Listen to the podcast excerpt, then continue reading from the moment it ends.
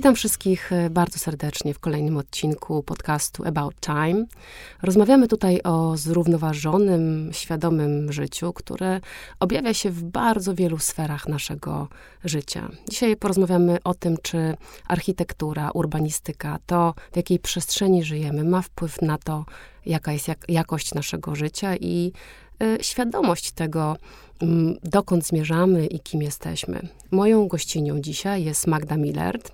Magda jest absolwentką kierunku architektura i urbanistyka.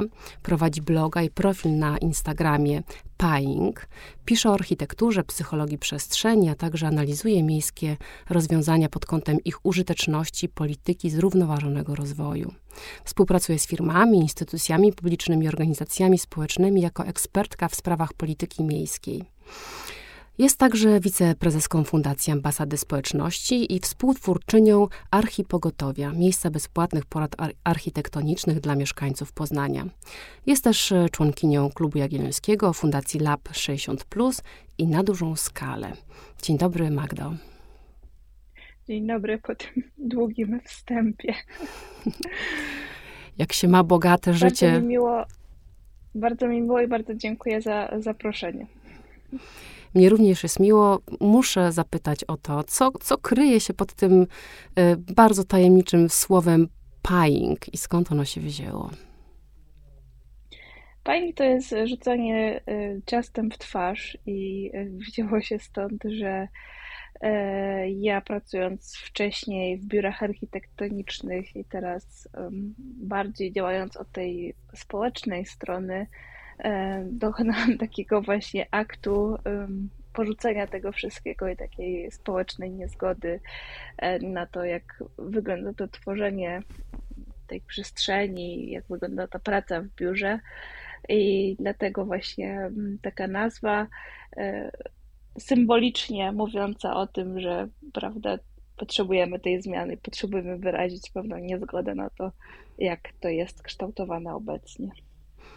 Jaka to jest zmiana? Czego, jak, jak ty widzisz, bo dużo piszesz o tym na swoim blogu i na swoim koncie na Instagramie, mm, ale jakbyś miał to tak ująć e, szerzej, to jaka zmiana powinna się zadziać w tej naszej przestrzeni publicznej, też czasami osobistej, prawda? No bo chodzi też o wnętrze naszych mieszkań, e, żeby ta jakość życia była lepsza.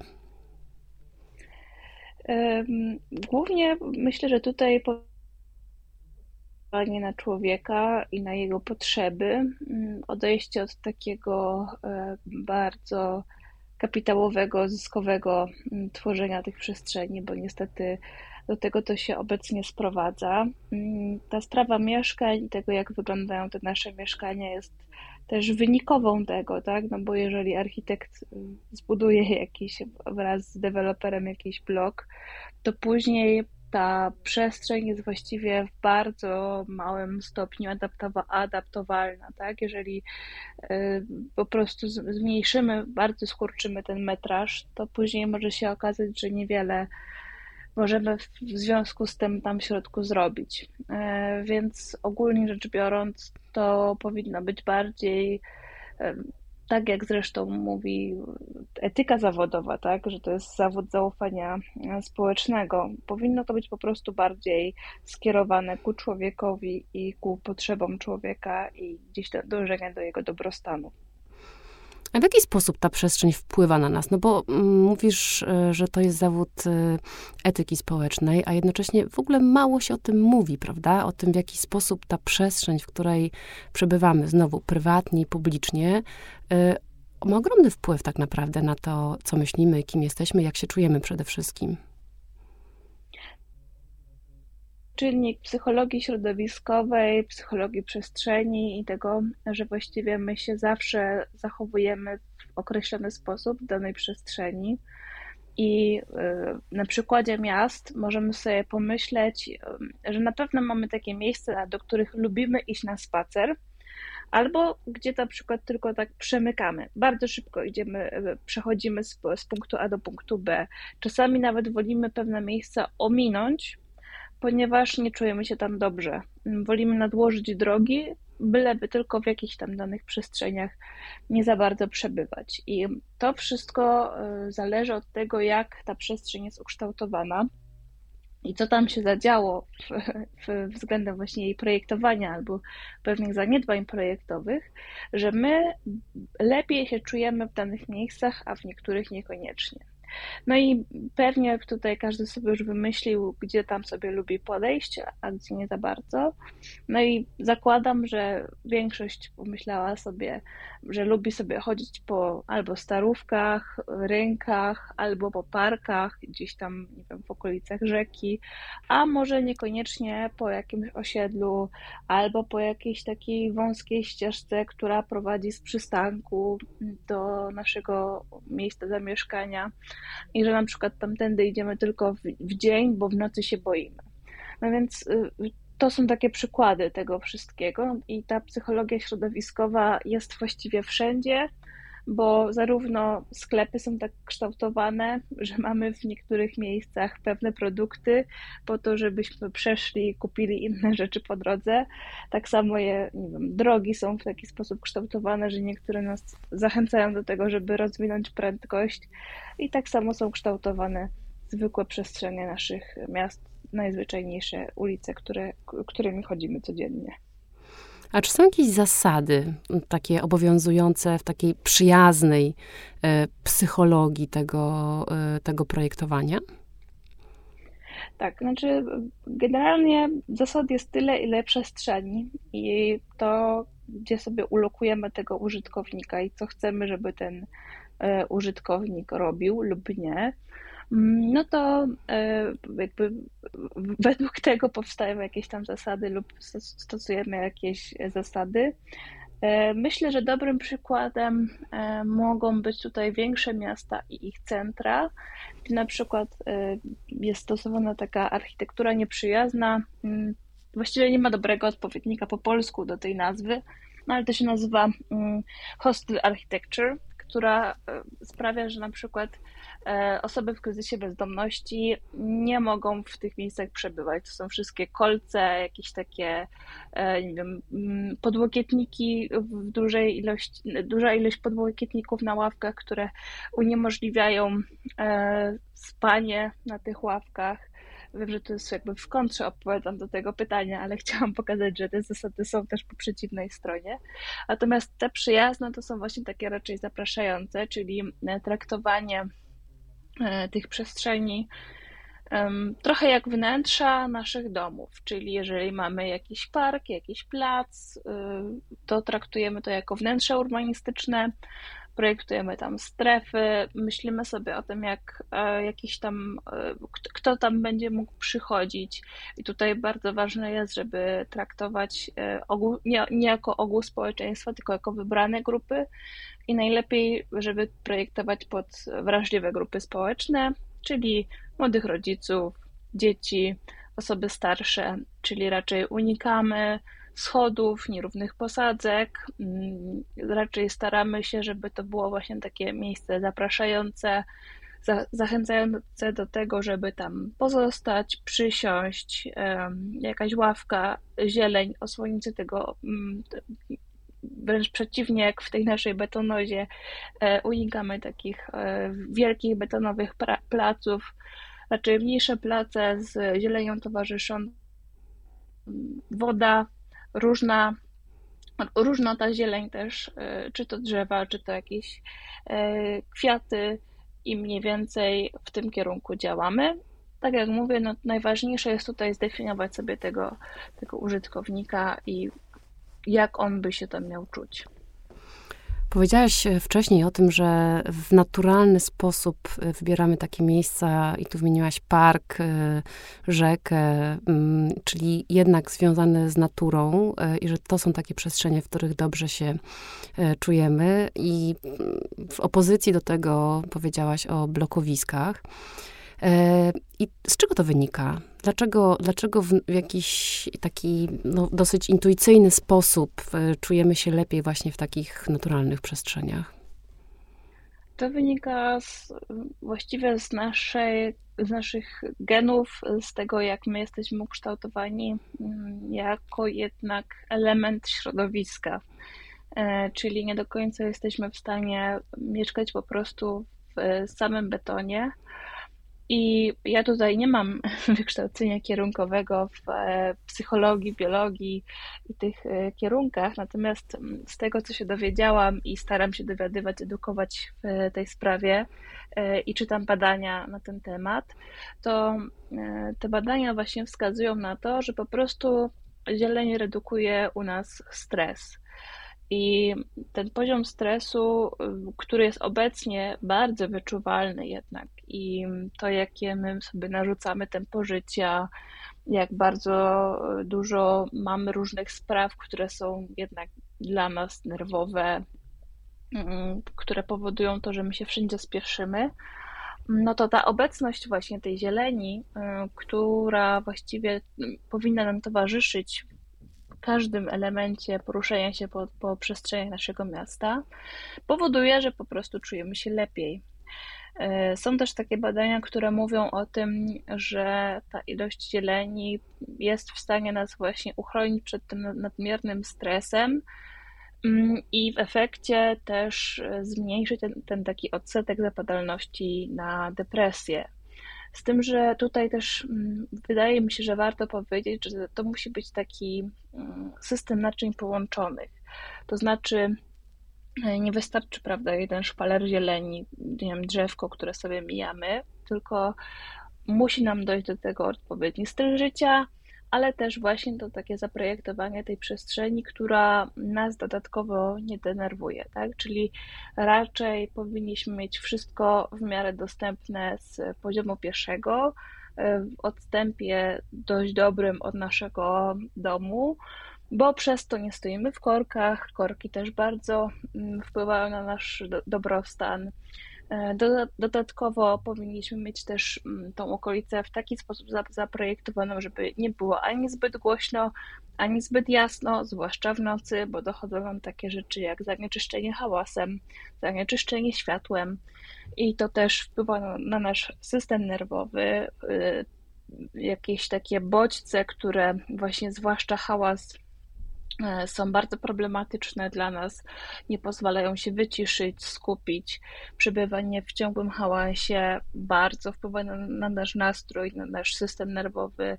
Tak samo właśnie zbyt duża ilość światła, zwłaszcza w nocy, ponieważ to wpływa na produkcję melatoniny, no i to wpływa na nasz sen. Więc tak jak mówię, no tych, tych rzeczy jest bardzo dużo i naprawdę to wszystko powinno być w odpowiedni sposób właśnie zaprojektowane, tak żeby na nasz dobrostan nie wpływało to negatywnie. I istnieją w ogóle takie przestrzenie, bo to zapowiadasz trochę brzmi jak bajka.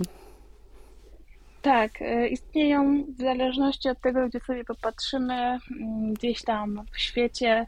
Zazwyczaj mówi się o tych mm, miastach Danii, Holandii, czasami o Wiedniu, jako o tych właśnie miastach tak e, właśnie w taki zrównoważony sposób zaprojektowanych, gdzie jednak dba się o tą taką sferę bezpieczeństwa, taki bufor bezpieczeństwa między intensywnością zabudowy, a właśnie mm, taką przestrzenią prywatności. Właściwie o to, o to tutaj wszystko się rozbija. E, no dobrze, ale jeżeli jednak jestem mieszkańcem betonowego blokowiska, które zostało zaprojektowane kompletnie wbrew tym regułom, o którym mówisz, to czy mogę w jakikolwiek sposób wpłynąć jednak na mój osobisty dobrostan? Tak, i to mieliśmy tego próbkę mieliśmy na pierwszym, w pierwszym naszym lockdownie, kiedy masowo wszyscy rzucili się do remontów i do aranżacji swoich balkonów. E, zobaczyliśmy, że ta przestrzeń wokół nas jest bardzo ważna i próbowaliśmy ją jakoś zaadaptować. E, więc podwyższyliśmy sobie po pierwsze jakość naszego mieszkalnictwa właśnie remontami, a z drugiej strony zaczęliśmy adaptować wszystkie nasze takie e, balkony, jakiekolwiek wiem, okna, zaczęliśmy tą zieleń wprowadzać do naszych domów, e, żeby właśnie trochę w tej zieleni poprzebywać. Na większą skalę to się zaczęło dziać też w kiedy y, zaczęły być zamykane parki i się okazało, że zaczęliśmy szukać różnych nieużytków, y, które dawniej były jakimś tam nasypem kolejowym które odkryliśmy jako przestrzeń do spacerowania, a w naszych takich mniejszych, powiedzmy, społecznościach, czyli na przykład na osiedlu, zaczęliśmy albo za, y, uprawiać jakieś warzywa, albo założyliśmy jakiś taki mini ogródek, albo postanowiliśmy odbetonować e, jakiś placyk, który i tak nie jest używany, więc właściwie dlaczego by tam nie mogły być dwie ławki. Więc takie rzeczy się już nawet zadziały i tak z takiej perspektywy raczej e, badawczej to było bardzo ciekawe do obserwowania. A myśli, że to wypływało właśnie z tego instynktu ludzkiego do mm, potrzeby tej natury i bycia częścią środowiska, czy też trochę z takiej edukacji jednak ekologicznej, że ta zieleń e, jest bardzo potrzebna? Myślę, że to raczej była taka mm, bardziej potrzeba przebywania z tą naturą i takie trochę zreflektowanie się w jaki sposób my żyjemy i czy aby na pewno taki sposób jest dobry. Bo nie wydaje mi się, żeby każdy, kto sobie zrobił rabatkę e, na balkonie, pomyślał, hmm, faktycznie przebywanie w zieleni redukuje mój stres, wobec tego zrobię sobie tutaj kwiatki tylko raczej to wynikało z tego, że ktoś zrobił, odpatrzyłem od, od sąsiadki to, albo od kogoś, kto sobie na, na Facebooka wrzucił jakieś zdjęcie. E, trochę też wynikało z tego, że my mamy taką potrzebę, może nie do końca uświadomioną, tego jednak gdzieś tam grzebania w ziemi. To też bardzo dobrze wpływa na, nasz, na, na tą redukcję naszego stresu. Generalnie dotyk jest bardzo niedocenianym zmysłem, o którym też za, za mało mówimy właśnie w tym aspekcie e, właśnie takie grzebanie w ziemi albo pielęgnowanie kwiatów, a później zbieranie jakichś tam swoich warzyw też tak na nas e, fajnie wpływało, więc ja raczej bym stawiała na tą podświadomość i może trochę takie marketingowe działanie też, bo e, swoje trzy grosze oczywiście dorzuciły jakieś markety budowlane, które miały wielkie kampanie czas na, czas na balkon. E, więc e, tak bym, tak bym tutaj e, stawiała tą tezę. Ale to jest bardzo dobra wiadomość, bo to znaczy, że nasze instynkty takie naturalne jeszcze całkiem nie zostały zabetonowane. I mhm. rzeczywiście, jak zostajemy zamknięci w domu i nagle tak trochę rozgaszczamy się w tej przestrzeni, rozglądamy dookoła, bo mamy na to czas, to w jakiś taki zupełnie naturalny sposób wiemy, czego tam y, brakuje.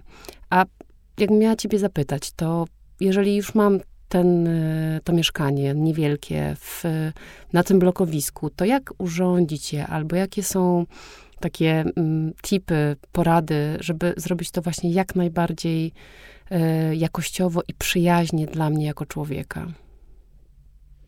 Na pewno trzeba zacząć od tego, co się lubi, bo ja teraz Wymienię kilka takich zasad, które powinny towarzyszyć, generalnie się sprawdzają, ale trzeba pamiętać o tym, że nie każdemu to będzie odpowiadać i to nie są zasady dla wszystkich. Natomiast generalnie e, to, żeby, żebyśmy się dobrze czuli w danych przestrzeniach, mm, jest dość mocno powiązane z materiałami. Więc budowanie takiej domowej atmosfery, na przykład przez e, elementy drewniane, e, czyli raczej drewniana podłoga niż płytki, e, przez elementy doposażenia, jakiś, prawda, miły koc, który, który chcemy przytulić, wygodna kanapa, być może jakaś przestrzeń na to, żeby właśnie zapalić świeczki, mieć jakiś taki element mm, takiego naturalnego e, elementu właśnie, jakim jest gdzieś tam ogień, e, zieleń to w postaci różnych kwiatków, które najlepiej też wyglądają w takim w takich kompozycjach, czyli może trochę stać, może trochę wisieć. E, to się dziś przeplata z różnym oświetleniem, e, bo tutaj jest właśnie kolejny element oświetlenie. Ciepłe światło, raczej nie jednopunktowe, czyli jeżeli mielibyśmy wybrać, to kilka punktów świetlnych, lampa na biurku, lampa stojąca, kilka e, punktów świetlnych na suficie, niż jedna wielka lampa na środku świecąca takim zimnym, nieprzyjemnym światłem. E, to jest bardzo istotny element i tutaj na marginesie ciekawostka. Przez to właśnie też bardzo często czujemy się źle w szkołach i w szpitalach, bo tam mamy bardzo zimne, takie buczące światło. Mm, kolejnym elementem jest też y, mm, zacienienie okien y, w sypialni, bo sypialnia też ma być takim miejscem relaksu i tutaj wchodzi taka zasada y, ciepło, ciemno, ciasno, czyli 3C. W sypialni powinno być nam przyjemnie, powinno być taką trochę norką niż jakąś otwartą przestrzenią. Więc wydzielenie tej, tej takiej przestrzeni do spania, gdzie faktycznie tylko tam śpimy, jest też istotnym elementem. I y, to też zaczęło być widoczne w momencie, kiedy właśnie weszła pandemia i zaczęliśmy sobie też przeformatowywać nasze życie, zaczęliśmy te przestrzenie bardzo wygradzać i to widać też y, w mieszkaniach, które są dostępne, różne oferty y, na stronach internetowych, że pojawiło się więcej mieszkań, które mają wygrodzone pokoje, niż te takie open space'y, które jeszcze kilka lat temu były bardzo modne. I tutaj też dochodzi znowu kolejne grodzenie, czyli wygrodzenie, bo kiedy zaczynamy, zaczęliśmy pracować z domów, bardzo łatwo nam było zatracić tą granicę między pracą a przebywaniem w domu. Więc tutaj wszystkie, wszystkie elementy typu wydzielenie regałem tej, tego miejsca do pracy, mm, jakieś takie systemy zamykania biurek w szafach. Tutaj też się sprawdzają, bo to jest takie symboliczne zamknięcie pracy, żebyśmy my też nie pracowali e, cały czas. I o tym coraz częściej też się mówi względem takiego dobrostanu pracy, że to powinno być kontrolowane i coraz częściej nawet y, firmy wprowadzają ograniczenia. Jeżeli widzimy, że pracownik za dużo pracuje, to po prostu zwracamy mu uwagę, że nie do końca to jest dobry kierunek. Więc, y, no, tak jak mówię, to jest, tu jest bardzo dużo różnych elementów. Y, w naszych mieszkaniach głównie materiały, oświetlenie i wygrodzenie mm, konkretnych stref. Zaintrygowało mnie to, co powiedziałeś o świetle, dlatego że wydaje mi się, że akurat w Polsce, w naszej sferze klimatycznej, tego światła jest strasznie mało, a ono trochę jest takim e, motywatorem do życia i na pewno energetyzującym takim elementem. Dlaczego tak jest, że właśnie te różne źródła ciepłego światła lepiej działają na nas niż e, taka tafla białego światła? Mm, białe światło jest takim e, światłem bardzo sztucznym, roboczym i bardzo zaburza naszą gospodarkę hormonalną, w tym właśnie mm, to, co mówiłam już wcześniej, tą produkcję melatoniny, czyli tego naszego hormonu snu. I mm, jeżeli sobie zobaczymy, prześledzimy sobie, jak słońce wschodzi, i później jest na niebie i zachodzi, to zauważymy, że rano właśnie mamy takie intensywne słońce raczej w okolicach takiej gamy kolorystycznej różu, e, jasnego, jasnej żółci, potem to przechodzi w jasny, intensywny kolor i potem y, jeżeli się chyli ku zachodowi, to mamy bardzo ciepłe, mamy tą golden hour, tak, czyli ten to złoto takie wchodzące już tam w pomarańcz. No i dokładnie tak samo jest z naszym światłem w domu.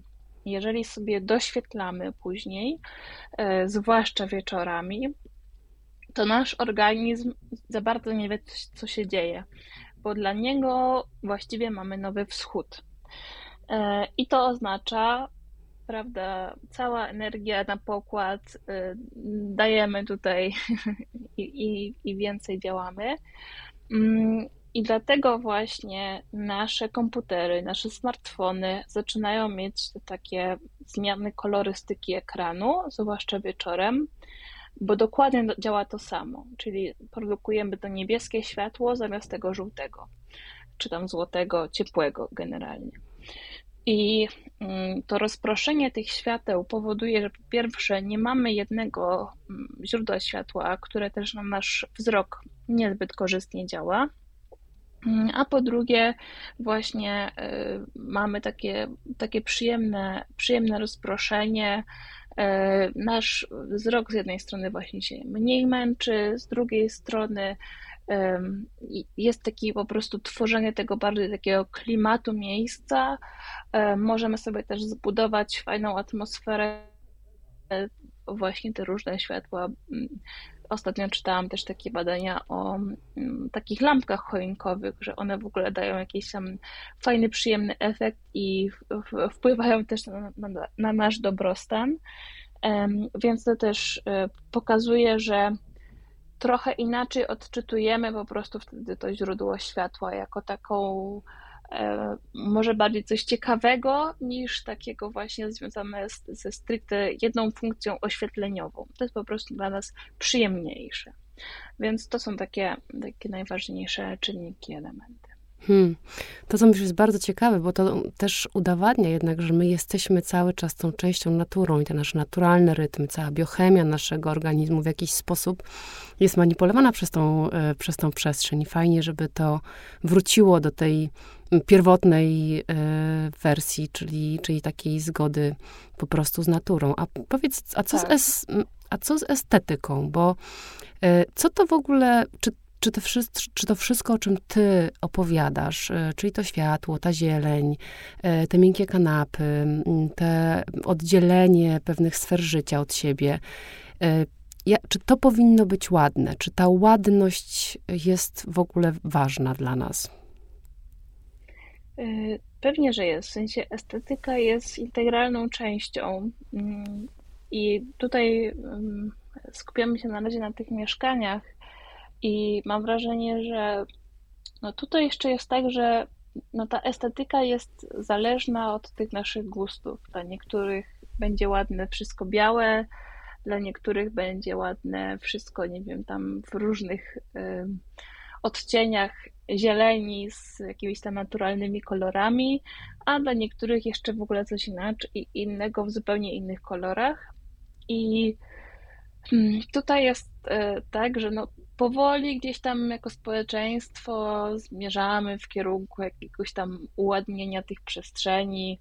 Jak sobie porównamy, nie wiem, katalogi mieszkaniowe z kilka lat temu, a teraz, no to widzimy, że to idzie właśnie raczej ku takiej estetycz... uestetycznieniu. Nie wiem, czy jest takie słowo, ale pozwolę sobie tak powiedzieć. Natomiast no, dla każdego trochę ta estetyka jest inna. I o ile w tych naszych e, mieszkaniach już to zauważamy, że faktycznie, mm, jeżeli mamy wszystko jakoś tam spójne, to mamy fajniejsze wrażenie tego wnętrza. Jeżeli mamy porządek, mamy przestrzeń do e, ładnej segregacji rzeczy, to też się czujemy z tym lepiej. I to też zauważamy, to też bardzo nam wyszło w e, pandemii. Natomiast dalej mamy problem z przestrzeniami naszych miast, bo jak sobie zobaczymy, jak bardzo chaotycznie wszystko jest zabudowane, jak bardzo różne budynki do siebie nie pasują, jak wszędzie są różne reklamy, banery, no to tam dalej mamy ogromny problem i w ogóle nie widzimy wartości w tej przestrzeni wspólnej. Mm, I niestety bardzo opornie nam idzie zmienianie tego wizerunku. Hmm, zaraz zapytam dlaczego, ale zanim zapytam, dlaczego to jest takie e, trudne, e, to zapytam, na ile ty uważasz, że właśnie takie publiczne przestrzenie, ta brzydota, no bo trzeba to po prostu nazwać po imieniu, wpływa jednak na taką naszą wrażliwość estetyczną? To właściwie to jest e, takie trochę sprzężenie zwrotne, bo ja bym powiedziała tak, że to, jak wyglądają nasze ulice i te właśnie przestrzenie wspólne, nawet elewacje budynków, w które mieszkamy, e, w które mijamy, e, to wpływa głównie na naszą chęć przebywania w tych przestrzeniach raczej przechadzamy się po starówkach czy tam po parkach, to tych przestrzeni właśnie takich nadźganych, mozaikowych, z różnymi e, reklamami, banerami, tam ich nie ma. Tam jest wszystko spójne. I my to wyczuwamy naturalnie.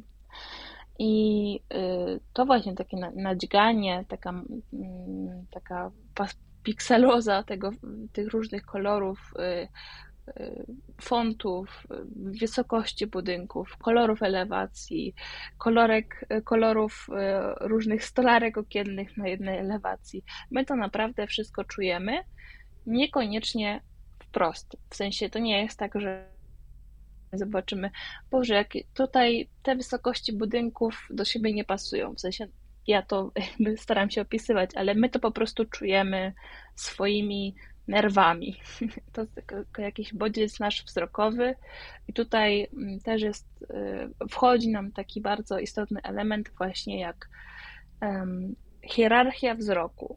Y, my zazwyczaj jesteśmy, jakby ukształtowani jesteśmy ewolucyjnie, tak, że ten wzrok nie miał być najważniejszym elementem do działania w społeczeństwie, w świecie, w środowisku, tylko raczej e, miał być to taki e, wzrok miał być zmysłem ostrzegawczym, czyli jeżeli coś się działo, to wtedy nagle zwracaliśmy na to uwagę tym wzrokiem. A teraz przez to, że właśnie jest e, bardzo dużo tych krzyczących elementów w różnych miejscach, to ten nasz wzrok się bardzo męczy i my przez to jesteśmy przebodźcowani. Tak samo jak nie lubimy wyskakujących reklam na stronach internetowych, tak samo nie lubimy reklam zaburzenia takiej harmonii w miejscach publicznych generalnie, czyli na ulicach, na placach, po prostu jadąc, jadąc ulicą, idąc, spacerując. My tego nie lubimy. Bardzo często nie lubimy tego w taki sposób e, właśnie nieświadomy, czyli czujemy, że nam coś przeszkadza, albo czujemy jakieś takie zmęczenie, a nie do końca jesteśmy w stanie to mm, przetworzyć, a bardzo często jest to właśnie wynik tej, e, tej takiej banerozy, reklamozy, tego co się dzieje i właśnie, że nie mamy tego wszystkiego uporządkowanego. E, chyba odeszłam trochę od wątku, ale potrzebowałam to opowiedzieć. Nie, to było bardzo na temat, moim zdaniem, bo mm, rzeczywiście y, trochę o tym było to pytanie, na ile, y, na ile ta nasza przestrzeń, która jest właśnie taka przebodźcowania, tak jak powiedziałaś, ona wpływa na nasze zmęczenie y, i na taką irytację pewnie też, prawda? Bo, bo, bo mhm. też coś takiego, myślę, odczuwamy. Ale moje pytanie było też takie, na ile to jednak kształtuje tą naszą estetykę, że nam się wydaje, że to po prostu jest norma, i to, jak powiedziałeś, przepikslowanie tego świata i przekoloryzowanie i prze, przekrzykliwość, jeżeli mogę to tak nazwać, mhm. jest jakąś taką normą. Tak, i właśnie teraz sobie miałam do tego właśnie wrócić jeszcze yy, i w tej opowieści odpłynęłam. Natomiast ta wrażliwość nasza generalnie hmm, to jest skomplikowane, bo żebyśmy my wiedzieli, że to jest problem, to musimy sobie z czymś to porówny, porównać i musimy mieć odpowiednią wiedzę, że jest to problem. I tutaj właściwie nachodzą te dwa zjawiska tej kształtowania tej naszej wrażliwości estetycznej, bo właściwie tak to powinno być nazwane. Z jednej strony na, w szkołach naszych praktycznie nie uczy się o estetyce. Mamy jakąś plastykę, gdzie tam E, rysujemy jakieś, nie wiem, pastelami, akwarelami i ten, kto nie jest jakoś obdarzony darem plastycznym, ma duży problem, nienawidzi tego przedmiotu. A z drugiej strony przebywamy ciągle właśnie w tych przestrzeniach, które są właśnie w taki sposób zbudowane i tego się odtworzeniowo uczymy. Wszyscy tak robią, tak było, e, to nie jest problem, powielamy ten schemat.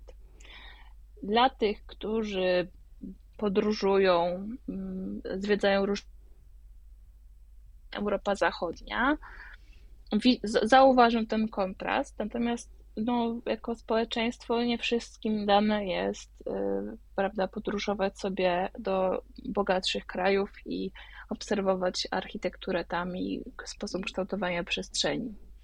Więc z jednej strony powinniśmy edukować już w podstawówkach, w liceach o tym, że estetyka raczej niż plastyka, zasady kompozycyjne, zasady dobierania barw, jakieś, prawda, kaligrafia, tego typu rzeczy, które pomagałyby nam też być może później, nie wiem, nawet znajdywać pracę w marketingu i tworzyć jakieś treści na media społecznościowe, a z drugiej strony oczywiście właśnie koncentrować się na tym, co jest dobre, co jest nie, czemu może niekoniecznie pomarańczowy z seledynowym super ze sobą pasują.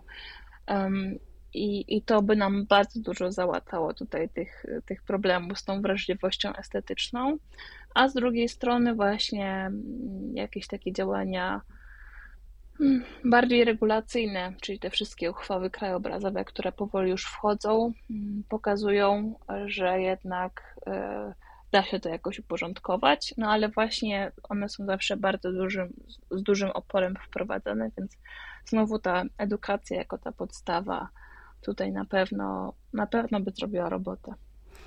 A jakie takie regulacje według Ciebie powinny być wprowadzone jak najszybciej, tak żeby systemowo właśnie zmienić tą edukację naszej wrażliwości? No, na pewno tutaj kładłabym nacisk na tą, na tą estetykę raczej niż plastykę w szkołach, bo to jest rzecz, która bardzo dużo bym mogła zmienić, no ale oczywiście to jest bardzo długofalowa rzecz, a mm, tutaj e, jednak taką najsilniejszą sprawczą uchwały krajobrazowe, które bardzo powoli wchodzą, mm, niekoniecznie też się ludzie do tego stosują, z dużym oporem do tego podchodzą, ale jednak właśnie E, właśnie one są tak naprawdę najbardziej sprawcze, bo po prostu jest to przepis, który no, trzeba honorować. I czego dotyczą te uchwały na przykład?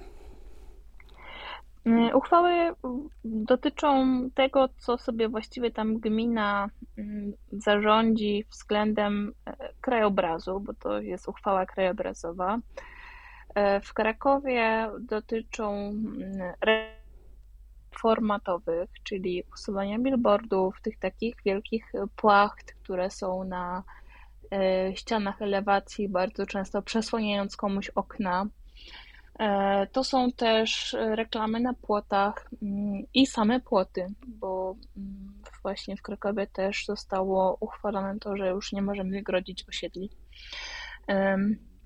Więc e, to są takie najczęstsze, e, najczęstsze elementy i tam po prostu dostaje się taki jakby katalog, gdzie można te banery wstawiać, a gdzie nie, czyli na przykład e, witryny sklepów, prawda, szyldy, wymiary tych szyldów, jakaś tam kolorystyka, że na przykład kiedy pojawia nam się sklep franczyzowy w zielonych barwach na miejscu jakimś tam zabytkowym, no to te barwy są właśnie dostosowane do tych wymogów i to jest na przykład mosiężny napis, a nie mm, plastikowy LED, który świeci mm, w nocy. A gdybyś ty miała taką sprawczość, mogła właśnie takie uchwały wymyśleć i wprowadzić w życie, to yy, co by było taką twoją, yy, twoim wkładem w krajobrazy? Miast? Gdybym, gdybym nie miała e, moc sprawczą, to na pewno mm, przełożyłabym priorytet e, komunikacyjny i kładłabym nacisk na dostępność przestrzeni, bo z tym mamy bardzo duży problem i jak remontujemy, to remontujemy ulicę, a niekoniecznie już chodnik E, w związku z tym wszyscy ci, którzy są niezmotoryzowani, mają bardzo duży problem, zwłaszcza e, młodzi rodzice, w tym w większości to są oczywiście kobiety, e, mają bardzo duży problem, żeby wyjść z dzieckiem na spacer i muszą sobie naprawdę przemyśleć trasę, żeby móc sobie spokojnie wyjść na spacer. E, więc ja bym na pewno przełożyła taki priorytet tutaj e, względem dostępności tych przestrzeni. i na to bym kładła duży nacisk. A czy budowanie takich miast, które albo przerabianie w zasadzie, czy dopasowywanie miast do tych e, potrzeb dobrostanu ludzkości jest równoznaczne z byciem ekologicznym, czy to są dwie różne rzeczy? Mówię o ekologicznych miastach. Mm, ekologiczne miasta są takimi miastami mm, dobrze zarządzanymi pod względem zużywania zasobów. Tak bym to określiła. E, I to jest oczywiście ze sobą powiązane, natomiast e, myślę, że e, są nieco inne. Natomiast środki do zdobywania tych celów na pewno są podobne. Miasta zrównoważone są bardziej z, z, związane z tym, mm, co budować i jak, tak żeby było to najbardziej optymalne względem środowiska, natomiast y, mm, nasz dobrostan mógłby, y, jakby to powiedzieć, jeżeli byśmy brali pod kształtowanie miast jako wyznacznik nasz dobrostan, to najprawdopodobniej mm, wyszłoby nam, że wszyscy by chcieli mieszkać w domu z ogrodem, co oczywiście nie jest równoważne z tym, z tym miastem zrównoważonym i ekologicznym, bo to jest najmniej ekologiczny sposób budowania, najbardziej problematyczny e, dla środowiska, e, najbardziej wrzucający nas w ten kryzys klimatyczny. Więc to miasto zrównoważone, architektura zrównoważona leży tak naprawdę po przeciwnym biegu, na, na przeciwnym biegunie mm, tego naszego budowania względem naszego dobrostanu. Czyli jak miałoby wyglądać takie miasto, y, zrównoważone miasto przyszłości? przyszłości zrównoważone jest miastem na pewno mm, w miarę zwartym, natomiast nie tak zwartym, e, żeby był prze, przesyt tego betonu. Na pewno nie jest to miasto pełne szklanych wieżowców tylko raczej, mm, raczej wyższych budynków e, ułożonych w takie samowystarczalne dzielnice, które są wypełnione zielenią, w których e, jeżeli potrzebujemy się poruszać, to poruszamy się tramwajem, w których mamy wszystkie usługi w zasięgu spaceru z naszego domu, w których bezpiecznie puścimy dziecko do szkoły na rowerze, Miasto przyszłości, które jest ekologiczne, na pewno wyposaża w odpowiednią ilość właśnie zieleni y, w takie elementy jak dachy, tarasy. To, co absolutnie nie musi być zabetonowane, jest po prostu trawnikiem albo łąką kwietną najlepiej, w których rozwija się jakaś bioróżnorodność, zapylacze, Mm, czyli wszystkie takie, prawda, pszczoły, które, których tam budowanie uli też jest e, bardzo modne ostatnio.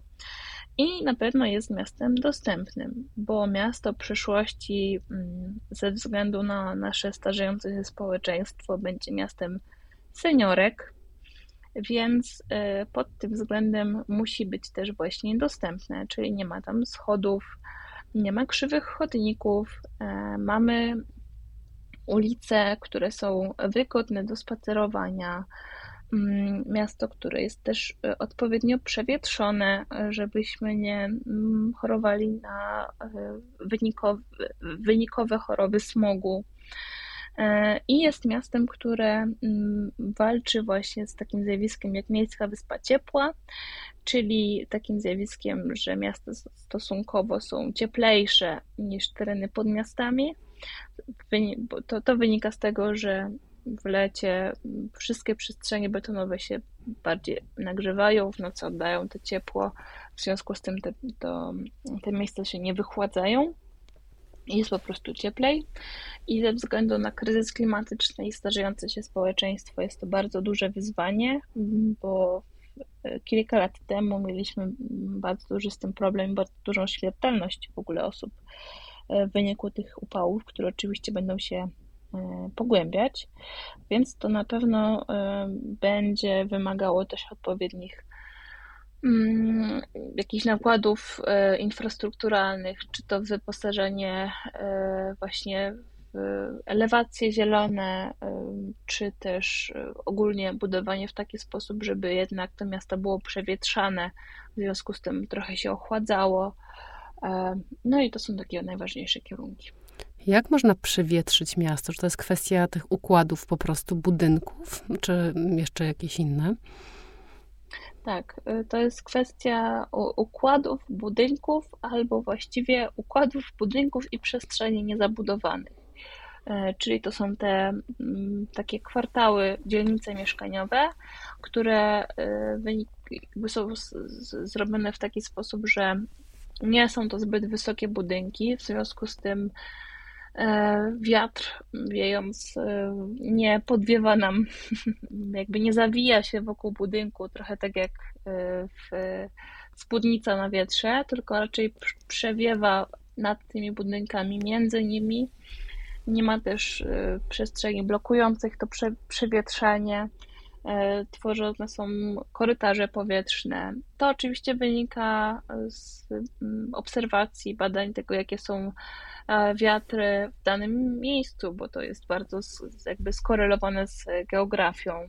I mm, to nie jest tak, że jakby jest jeden przepis na każde miasto, tylko to musi być po prostu zaprojektowane. Natomiast generalnie ta, ta właśnie takie przewietrzanie ze względu na smog i ze względu na temperaturę po prostu musi być i musi być y, na bazie danych lokalnych, y, co się dzieje w przestrzeniach. I powiedz mi, czy to jest w ogóle realne? Tak myślę o Warszawie. Czy to jest tak, że trzeba po prostu zbudować Warszawę od nowa, żeby to się zadziało? Y, już mieliśmy doświadczenie z budowaniem Warszawy od nowa. Myślę, że nie chcielibyśmy tego powtarzać. Natomiast y, patrząc na Warszawę, tutaj jest trochę inny problem. W sensie Warszawa jest stolicą i jako główny ośrodek przyciąga bardzo wiele rzeczy. I tutaj raczej wchodzi nam polityka centralna, decentralizacji, rozbijania mm, sieci miast w Polsce na mniejsze ośrodki. E, I to jest zupełnie temat na inną rozmowę, więc nie będę tego jakoś specjalnie rozwijać. Natomiast mm, dobrze, że wywołałaś Warszawę, bo właśnie na tym przykładzie można pokazać, że nie można budować w nieskończoność, bo y, nastąpi przeciążenie systemu i w pewnym momencie mm, ilość korzyści do strat środowiskowych, jakości życia, mm, chociażby czasu poruszania się po mieście jest po prostu nieoptymalna. I cały trik polega na tym, żeby tak zarządzać przestrzenią i tak z jednej strony lokalnie zgadzać się na pewne inwestycje, z drugiej strony centralnie planując właśnie pewne takie rozproszenie tej zabudowy po całej Polsce jako takiej sieci miast, raczej niż jednym głównym mieście centralnym, może do tego doprowadzić i to na pewno jest realne, bo widzimy jak, w jaki sposób są ukształtowane miasta Danii Holandii e, i oczywiście to są takie najlepsze praktyki, z których powinniśmy czerpać. Strasznie dużo roboty nas czeka. Jak sobie pomyślałam y, o tym, co powiedziałaś, że to wszystko trzeba od nowa, ale też dziękuję ci, bo y, ja tak uczciwie powiem, ja nie lubię Warszawy, mimo że jestem stąd i mieszkam tutaj, ale coś czuję, że jest nie tak z tą przestrzenią i że to jest jakaś taka przestrzeń jak czarna dziura, która wsysa energię i nic nie daje w mhm. zamian. I możliwe, że to właśnie wynika z tego, co mówisz że nie jest to najlepiej zaprojektowane miasto. Dziękuję Ci, Magdo. Bardzo, bardzo, bardzo interesująca rozmowa. Bardzo dziękuję. Mam nadzieję, że jakoś starałam się to w miarę dobrym językiem przybliżyć. Wszystko było zrozumiałe. Dziękuję. I walcz dalej. Dzięki.